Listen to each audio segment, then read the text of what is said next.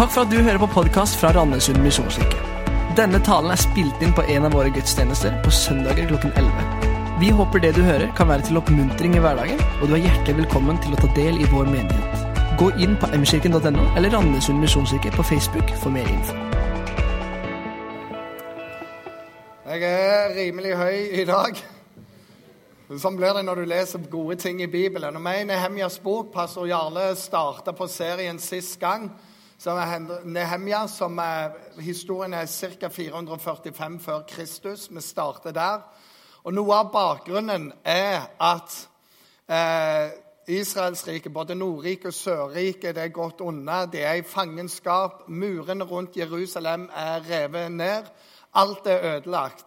Og med nedrevne murer så betyr det at folk er svakt, de er underlegne, de føler seg elendige, og de oppfører seg elendig. De har ingenting å bygge. De har ingenting å skjule seg bak. Alt ligger nede. Håpet er ute. Og så en dag så er det da en gjeng som har vært i Jerusalem og kommer til borgen Susa, som ligger ca i Bodø herifra oss, i avstand, bare litt varmere og mer behagelig klima. Kommer tilbake, og en munnskjenk, altså en som smaker på alt det kongen skal drikke før kongen drikker det, sånn i tilfelle noen dør, så er det han og ikke kongen som dør. Han har en bror som har vært der, og han spør sin bror hvordan var det Og han gir en elendig rapport. Og dette går rett til hjertet på han. Sier sånn kan det ikke være. Han faster, og han ber. Og det er lenge. Og Gjennom Nehemjas bok så er dette med bønn en rød tråd hele tida. Og så kommer denne byrden på hans hjerte. Noen er nødt å gjøre noe med dette. Og det kan like så gjerne være meg. Og Det er noe av det vi lærte fra sist gang. Jarle snakket om hva om Gud vil bruke deg. Hva om det er det Gud vil bruke, og ikke alle de andre? Og så var det tre ting vi så på derene. Gud bruker den som setter seg ned og gråter. Da er ikke det alltid verbal, altså, du gråter, men det er noe som knuses inni deg. Det er noe du ikke kan tåle lenger. Sånn kan det bare ikke være. Noen er nødt å gjøre noe med dette, og det kan like så gjerne være meg. Og Gud bruker de som bøyer sine knær i bønn. Og igjen, det er ikke nødvendigvis at du bøyer, men at du går inn i bønn. At det, denne byrden den omformes til bønner til Gud. For det ser ut som om at det Gud gjør, det gjør han som et tilsvar på bønn. Og bønn er vårt mektigste våpen. Så når du begynner å forandre verden, så begynner du i bønn. En byrde som er gitt av Gud, uttrykt i bønn og du ber og du ber. Og Jesus sier noe om det. For den som ber og fortsetter med å be og videre ber, han skal få.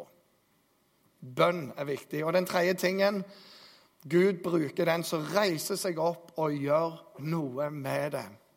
Og vi har altfor lett for å se et problem og finne ut hvem andre som skal gjøre noe med dette her. Og vi pastorer vi er særlig utsatt for dere resten. Vi er alltid i mindretall. Pastoren vår bør gjøre dette. her. Pastoren må jo. Pastoren, Og så glemmer de at vi er et legeme til sammen. Og hvis Gud legger en byrde på deg, så kan det jo være at det er du som skal gjøre noe med det. Annie Skau Berntsen var en av de mest kjente misjonærer vi har hatt. Når hun gikk på misjonsskole, så kom læreren inn en dag og ser ut over hele flokken av sykepleiere som har tenkt å bli misjonærer. Ser lenge på dem og sier er redd for at Gud ikke kan bruke en eneste av dere til å bli misjonær. Gud er så skuffa over alle dere, hun kjenner dette når henne i hjertet. Så sier de i ei uke hadde det ligget noe papir i trappa. Og ingen av dere har funnet det bryet verdt å fjerne det. Hvordan skal Gud bruke sånne folk? Fordi når du ser noe, så kan det være like gjerne du som gjør det. Et ektepar, en sann historie dette òg, kommer til sin pastor, og dette er menighet. hvor alle vet disse er de beste giverne. Det, er de som driver menigheten økonomisk, så å si. De har en fullstendig krise seg imellom. De ringer til pastor en lørdagskveld og du er nødt til å komme til oss, for vi sliter, og vi vet ikke om ekteskapet holder. Pastoren er jo en helt annen plass. Han sitter i ting, og han kommer ikke fra seg. Vet du hva? Jeg kan ikke det nå. Det, det, det, er umulig på alle måter. Men kan vi møtes om to dager, for da er det mulig? Nei, du må komme nå. Men det går jo ikke. Og de er så sure på denne pastoren at så bare slenger de på. Og så går denne stormen litt over. Og etter ei uke så kommer de til pastoren og så sier du, vi har funnet ut vi må ha en ny tjeneste i denne menigheten. Å, har dere det? Hva er det? Nei, vi må ha det sånn at når folk er i krise, så må vi ha et alarmberedskap. Folk må jo ikke vente i mange dager for å få hjelp. Nei, det er jo en bra ting. Ja, og vi skal lede det arbeidet. Vi har allerede snakket med noen, og vi har en beredskap. Og sånn og sånn skal det være. Tydeligvis pastoren ikke god nok. Og de starter opp en tjeneste som blir noe av kjennemerket med hele menigheten. Vi er der når du trenger oss. Fordi de fant ut at noe må gjøre noe med det. Og det kan like gjerne være meg. Og det er der det forandrer seg. Noe må gjøre noe med det, og det kan like gjerne være meg. Når du slutter med alle de andre som burde gjort det, en munnskjenk var ikke den som burde gjort noe med de murene. Det var kanskje prestene, pastorene, det var kanskje stormennene, det var kanskje businessfolka. Men det var en munnskjenk som kjenner byrden, som setter seg ned og gråter, som former dette i bønn og faste, og som reiser seg opp og sier, 'Gud, her er meg. Bruk meg.' Og I dag så skal vi gå et steg videre, og vi skal se på Du trenger ikke være den beste for å utgjøre en forskjell i denne verden. Du må bare bry deg mest. Du trenger ikke være den beste, du må bare bry deg mest. Og når eh, det ble introdusert her at i dag så skal vi snakke om hva om du er en leder, så er jeg sikker på at mange av dere allerede Det er i hvert fall ikke meg. Jeg er off på denne talen her, og du har allerede sjekka ut. Ikke sikkert du kommer så billig fra det likevel. Jeg bare advarer deg. For det kan være Gud tenker litt annerledes rundt dette. Hva er det når Gud kommer inn i vår verden og gjør noe med sånn som det er? Så den som bryr seg mest Jeg kan si Dolly Parton har ingenting med denne talen å gjøre sånn sett. Men hun har vært en verdensledende artist, og folk har intervjuet henne og spurt hvorfor var du så unik. Så sa jeg jeg var ikke så unik. Jeg har en søster som synger mye mer, bedre enn meg Jeg har flere i familien som er mye bedre, men jeg ville det mest. Derfor ble jeg den, og ingen av de andre. Du må ikke være den beste, du må bare bry deg mest. Vi skal lese gjennom eh, teksten som gjelder for i dag. Så du får den på veggen, og så eh, kan du følge med der. Eh, og det er kapittel to. Bare se. Det var i måneden Nisan i det 20. året til kong Artaxerxes. Jeg tok vinen som sto foran kongen, og ga ham. Han hadde aldri sett meg nedtrykt. Og du kunne ikke være nedtrykt, for hvis de så deg nedtrykt og kongen hadde en dårlig dag, så var du ferdig. Men han klarte ikke å skjule det lenger. Kongen sa til meg, 'Hvorfor ser du så nedtrykt ut? Du er da ikke syk. Det kan ikke være noe annet enn hjertesorg.' Jeg ble svært redd og sa til kongen Lenge leve kongen! Skulle jeg ikke være nedtrykt når byen der fedrene mine er gravlagt, ligger røde, portene fortært av vill? Kongen sa til meg, Hva ønsker du? Jeg ba til himmelens Gud. Så sa jeg til kongen, om kongen finner det for godt, og han synes godt om sin tjener, så send meg til Juda, til byen der fedrene mine er gravlagt, så jeg kan bygge den opp igjen. Da spurte kongen meg, mens dronningen satt ved siden av ham, hvor lenge kommer reisen din til å vare, og når vender du tilbake? Kongen godtok tiden jeg nevnte, og sendte meg av sted. Jeg sa til han, om kongen finner det for godt, så send med meg et brev til stattholderne i provinsen bortenfor Eufrat, så de lar meg dra igjennom til jeg kommer til Juda. Og også et brev til Asaf, vokteren for kongens parker, slik at han gir meg tømmer til bjelker og portene og tempelborgen, til bymuren og til huset jeg skal bo i. Kongen gjorde det, for min Gud holdt sin gode hånd over meg. Jeg kom til stattholderen i provinsen bortenfor Eufrat og ga dem brevet fra kongen. Kongen hadde sendt med meg hærførere og ryttere. Horonitten, Sambalat og amoritten Tobia, tjenestemannen, fikk høre dette. De tok det ille opp at det hadde kommet en mann som ville israelittene vel. Så kom jeg til Jerusalem. Da, jeg, da jeg hadde vært der i tre dager, dro jeg ut om natten sammen med noen få menn. Jeg hadde ikke fortalt noen mennesker hva min Gud hadde lagt meg på hjertet å gjøre for Jerusalem. Jeg hadde ikke med meg andre dyr enn det jeg rei på. Jeg dro gjennom dalporten om natten, forbi drageskiltene og til nøkporten. Jeg inspirerte Jerusalems murer, som var brutt ned, og portene, som var fortært av ild. Jeg dro videre til Kildeporten og Kongedammen, men der var det ikke plass nok til at dyret som jeg rei på, kunne komme forbi. Jeg fortsatte opp gjennom dalen om natten og inspiserte muren. Deretter så snudde jeg og kom tilbake gjennom dalporten. Stormennene visste ikke hvor jeg hadde vært, eller hva jeg hadde gjort. Inntil da hadde jeg ikke fortalt det til judeerne, verken til prestene, de fremste stormennene eller de andre som skulle gjøre arbeidet. Men nå sa jeg til dem dere, dere, dere ser hvor ille vi har det her. Jerusalem ligger i ruiner, og portene er brent opp. Kom, la oss bygge opp igjen muren rundt Jerusalem, så ingen som lever, må leve i vanære. Jeg fortalte dem også hvordan Gud holdt sin gode hånd over meg, og hva kongen hadde sagt til meg. Da sa de, la oss gå i gang med å bygge. Og de tok fatt på det gode verket. Så hva om du er en leder? Det handler ikke om å være best, men om å bry seg mest. Og Vi skal rett inn i noen ting her. Så hva, hva er en sånn leder? For det første en sånn leder det er ledere som tydelig definerer misjonen. Hva er det vi holder på med? Hva er det vi vil? Og Du leser det i vers 4 her. Kongen sa til meg, 'Hva er det du ønsker?' Du må vite hva du ønsker. Og jeg ba til himmelens Gud. Dersom du har en visjon, dersom du har en drøm som ikke krever bønn, så er den for liten. Hvis du ikke trenger Gud, så sikter du for lavt. Men hvis du trenger Gud, så er du der. Gud, du må hjelpe meg. Jeg bar til Gud. For du kommer til de punktene. Hvis du, Gud, ikke bygger, så bygger vi forgjeves. Hvis ikke du, Gud, går med, så går dette ikke. Dette ser umulig ut. Nå må du komme meg til hjelp, Gud. Så hvis du ikke trenger å be, så sikter du for lavt. Bønn er sentralt for å lykkes. Til og med for Jesus så var bønn helt sentral for å lykkes. Og Vi leser gjennom Jesu liv hvordan han ber.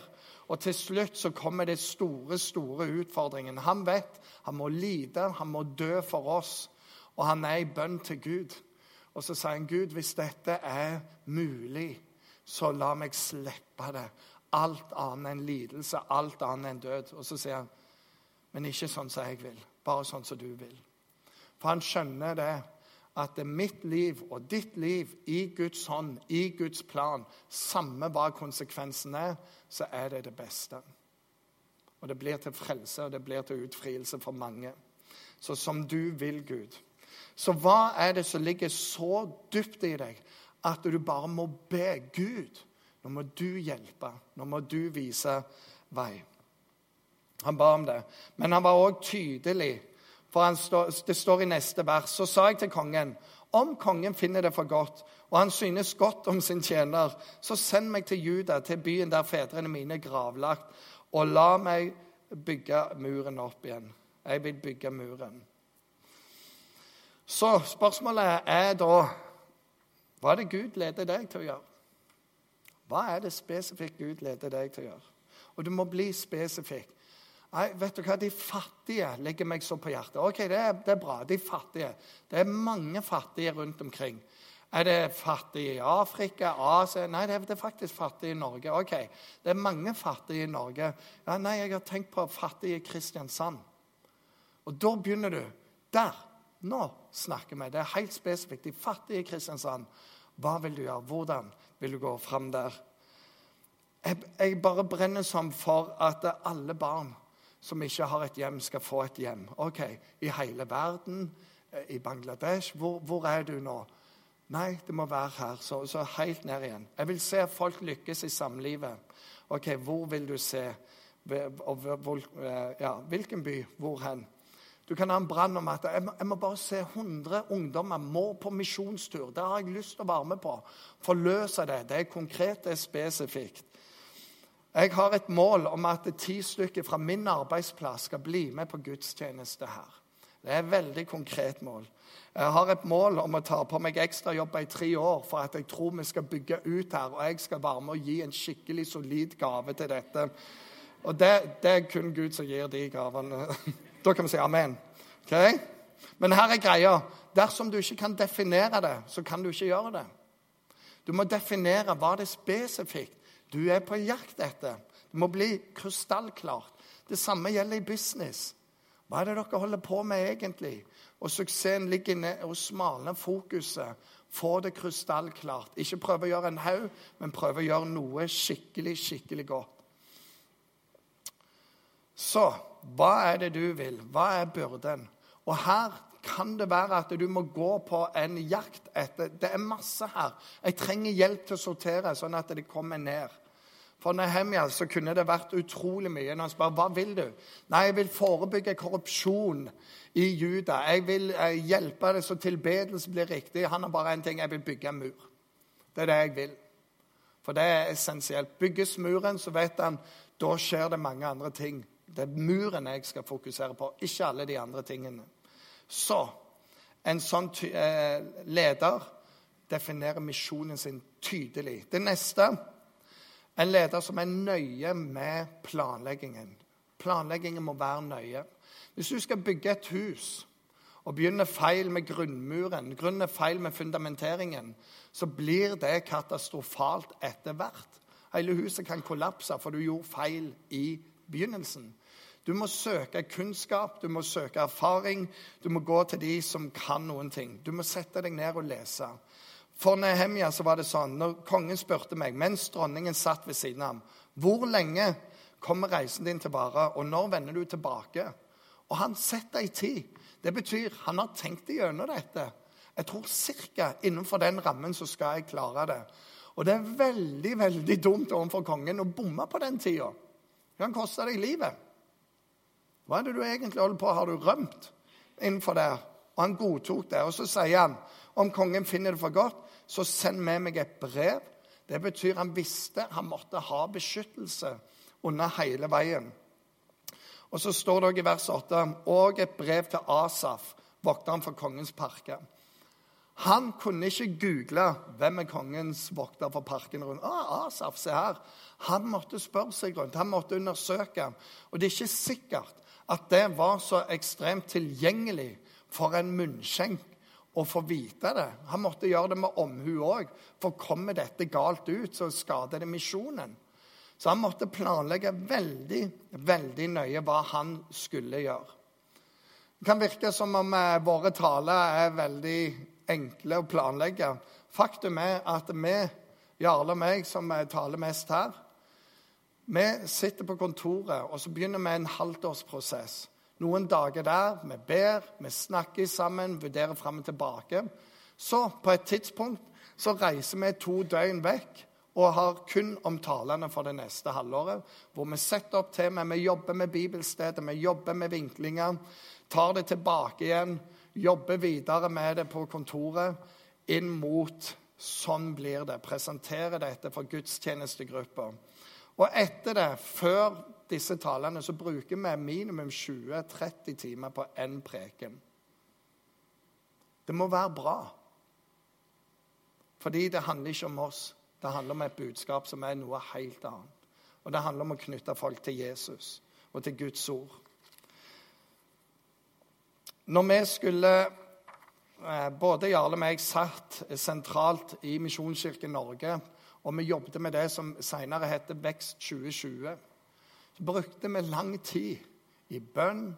Vi leste historien til Misjonsforbundet, som vi het da. Vi leste i Bibelen, vi prata med andre, og vi begynte å peile en vei. Vi møtte våre søsken i Sverige, i Tyskland, USA. Alt ofrer vi for misjonen. Vi var villige til å reise til andre land òg, men eh, de sa nei. Fikk ikke lov å undersøke mer. Men så var det da å få dette inn på et spor. Hva er det Gud kaller oss til å gjøre? Hva vil misjonsbefalingen si for oss de ti neste årene? Og vi kom ned med dette, så vi skal, vi skal plante 20 nye menigheter. Vi skal være dobbelt så mange på gudstjeneste. Vi skal ha dobbelt så mange i smågrupper, dobbelt så mange medarbeidere. Og vi skal ha dobbelt så mange i barne- og ungdomsarbeidet i Misjonskirken Norge. Det er et rimelig stort mål. Og spesielt når vi så på menighetsplanting, hvor vi på de 30 siste åra hadde klart å plante 3-4 menigheter, så skal vi nå på ti år plante 20 menigheter. Det er ganske hårete. Men vi måtte gjøre den, eh, det bakgrunnsarbeidet der og få folk med på den visjonen. Og det rare var jo at når vi presentere det. Jarle har dette på en lederkonferanse og årskonferanse seinere. Og alle menigheter skal stemme over dette. Så får de presentert hele historien med Skriften. Her står vi nå. Hva har Gud foran oss? Og et enstemmig misjonsforbund går inn og sier vi går for vekst 2020. Og en mann kommer opp, og så sier han det her er en helag stund. For Gud er her. Og så kunne vi kjenne det, vi som var der. Ja, dette er hellig. Nå har vi truffet et mål som vi tror ærer Gud, som vi trenger bønn, og som vi kan gå i gang med. Og det er helt utrolig hva vi har fått lov å være med og sett. Så hva er det? Og så har jeg lyst til å si inni dette På fredag så hørte dere det var 500. 18 stykk svarte på en SMS om at jeg vil ta imot Jesus. Det er fantastisk. Det står at det er fest i himmelen. Og Det, det er verdt til og med et bitte lite halleluja inni oss. Hører dere problemet mer enn det? Og Det betyr at de som har vært ansatt og noen frivillige, de har jobbet utrolig mye med de forberedelsene. De har lagd noen hefter, de har fått tak i SMS-systemet. De har skaffet til veie noe utrolig med penger og anlegg og alt sammen. For at da skulle vi kaste garn og se hvilken fangst vi fikk. Vær nøye med planleggingene. Planleggingen er utrolig viktig for resultatet. Det er noen som har sagt det sånn Dersom du feiler i forberedelsene, så forbereder du deg på å feile. Så vær nøye med forberedelsene. Men så kan det jo være litt stort, dette her, da. sant? Det er litt sånn Jeg skal gjøre noe med all fattigdom. Og, og det blir sånn Wow! Dette går ikke, så du gir opp før du begynner. Fordi med en gang så kommer det opp ja, hva med det, og hva med det, og hva med det, og hva med det, og hva med det. Du har ikke hatt peiling på det. Jeg kan si, Når vi starter med menighetsplantinger, vi skal plante 20 menigheter på ti år, så setter vi oss ned med noen og sier ja, har dere coacha? Må du ha det? Så der var jo med. Ja, har dere skrevet noe sånn hefte som dere gir? Fins det? Og så sitter vi og blir grilla på masse spørsmål der vi bare sitter Vi har ingenting. Det eneste vi tror Gud kaller oss til å plante menigheter. Og nå vet vi at vi må coache, vi må skrive noe, vi må ha en retning, vi må ha en funding, vi må få kompetanse, vi må kartlegge hvem som er mulig. og sånn i det hele tatt. Vi har en jobb foran oss. Og der kunne vi ha slutta og sagt vi mislykker med, for vi kan ikke dette lenger. Men det du må, det er jo ikke å gi opp. Men det er én ting som hjelper meg, og som vil hjelpe deg, og det er hva er det neste steget? Hva er det neste steget du trenger å ta nå? Og det steget er som regel ikke veldig stort. Det vi gjorde, det var å ta det steget. Vi må snakke med de som kan plante menigheter. Så da snakket vi med Dawn i Norge og hørte med deres ekspertise. Og Det var noe av det vi gjorde når vi reiste rundt. Hvilke erfaringer har dere? Hva er lurt, hva er ikke lurt? Sånn at vi slipper å gjøre alle feilene. Hva er det neste steget?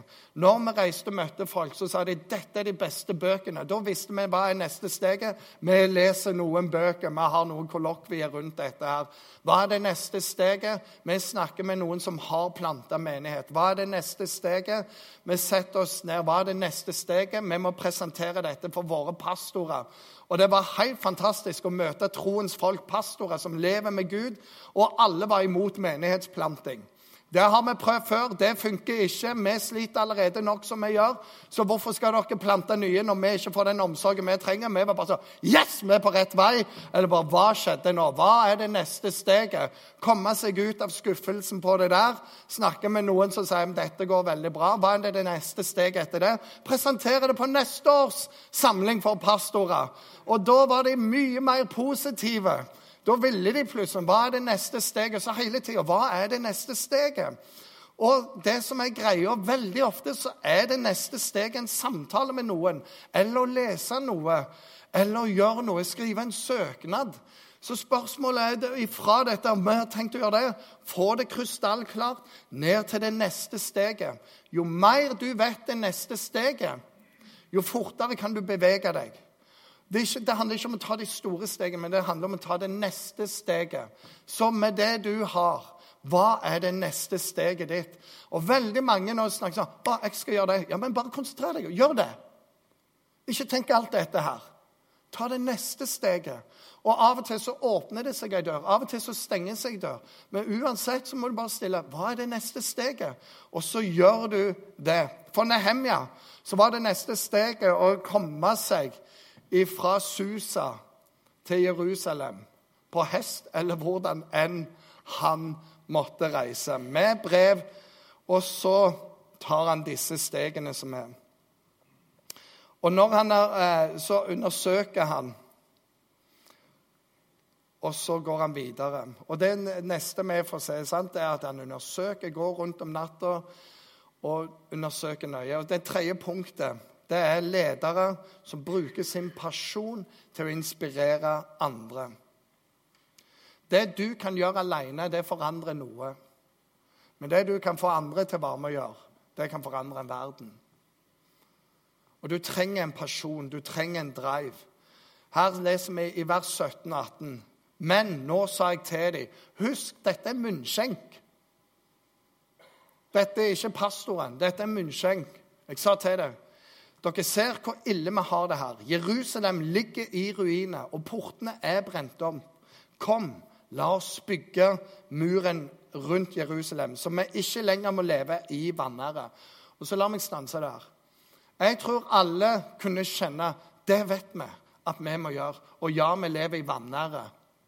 Men hvis talen hadde stoppet der, så hadde jeg sagt det har vi prøvd. Gi oss noe nytt. Ikke noe spesielt med dette her. Det er sånn, men det er ikke nok. Det som skjer etterpå, er det jeg tror bare tipper de. For han sier at dette kom som en byrde for, for meg. Jeg har fasta, jeg har bedt. Og jeg bestemte meg for en dag så skal jeg bare våge livet mitt for dette. Så når kongen spør meg hvorfor er du så nedtrykt, og jeg er livredd og tenker kjære Gud, la meg ikke miste livet, men la meg få lov å bygge en mur. Og så gutsa jeg. Og kongen kvitner til der. For kongen likte en visjon. Han likte dette her. Og han velsigna det.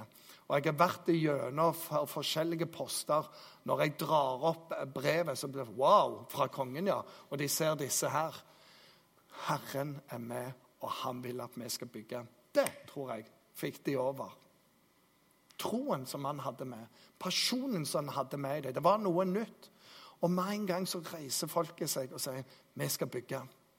Det er noe med pasjon som smitter over på andre folk. Men du må eie det. Du må eie det. Du må ville det. Så bruk pasjonen til å smitte de andre. Nehemja gjør det. Han smitter kongen, så smitter han folket. Halvveis inn i bygningen, dette kommer seinere, så mister folk motet. Opplegget er så stort, og det er så mye motstand. Han holder en ny peptalk. Og så bare fullfører de dette på 52 dager, hvilket er en verdenssensasjon. Passion og drive gjør greia. Jeg har lyst til å fortelle om en pastor som heter Robert Gelinas. Colorado bor han. Han og kona har tatt til seg noen barn. Eh, adoptert og, eh, og vært fosterhjem for eh, unge. På et tidspunkt så begynte han å søke opp hvor mange unge er det som står i kø for å komme inn i et hjem. hvor mange barn venter på en familie. Han fant ut at det var 875 barn som sto i kø og venta på et hjem på det tidspunktet. Samtidig så visste han det var 3000 menigheter i Colorado. Så han begynte en prosess hvor han undersøkte behovet, gikk til, til myndighetene og sa dette behovet, hva trenger dere, hvordan vil dere dette skal gjøres, hva må til i det hele tatt. Setter seg ned, undersøker, og så går han til menighet etter menighet. Og så sier han vi har 875 verdifulle barn skapt ved Guds vilje, og de trenger et hjem. Og her er visjonen. Hver menighet i Colorado må ha én familie som adopterer, eller som er fosterhjem. Og så reiste han fra menighet til menighet til menighet. Og i løpet av noen år så gikk det ifra å være mange barn som venta på et hjem, til mange foreldre, eller mange hjem, som venter på barn. Gud brukte den personen og den vandringen og den stå-på-viljen til å snu det rundt. Og De kaller det Prosjekt 217. Og Det henter jeg fra Jakob 2,17, der det står en gudstjeneste som er feilfri i Guds øyne, er å ta seg av foreldreløse barn. Og Det knytter det til Bibelen. Og Her er noe av greia òg. Hvis Gud legger en som byrde på deg, finn bibelverset. Finn bibelverset for deg. Hva er bibelverset ditt? Jeg har noen sånne bibelvers. Hva er bibelverset? Her er det prosjekt dette at det er en gudstjeneste som er feilfri å ta seg av dem. Det var noen på, i Vegårshei som òg leste det verset. For det, det, er ikke hele verset. Det står òg å ta seg av enker i samme vers. Og når det kom en stor vekkelse over Vegårshei, så leste folk dette. De bodde på storgårdene, og det var rike og fattige på en annen måte enn det er nå. Så fortelles det om folk fra storgårdene som gikk ut og ringte på til de fattigste enkene i området og sa har du lyst å bo hos oss resten av livet som en del av familien. Du skal få et varmt, godt rom, du skal få maten du trenger, og du blir som en del av familien. For de leste at det var en gudstjeneste som Gud bryr seg om. Og det skjedde noe i Vegårshei med det. Foreldreløse ligger på Guds hjerte. Enker ligger på Guds hjerte. Det er utrolig mye som er på Guds hjerte. Og det handler noe om hva er det Gud får lov å smitte meg med, som han får lov å smitte deg med. Det er ikke de beste, men det er de som bryr seg mest. Når vi gikk i gang med menighetsplanting, så satt vi oss ned og så telte vi gjennom. Av alle de vi kjenner, hvem tror vi er gode menighetsplantere nå? Vi klarte å telle fem, og vi skulle plante 20 menigheter. Jeg var ikke på den lista. Jeg har aldri sett meg sjøl som en planter i det hele tatt, og hadde god frykt for disse tingene.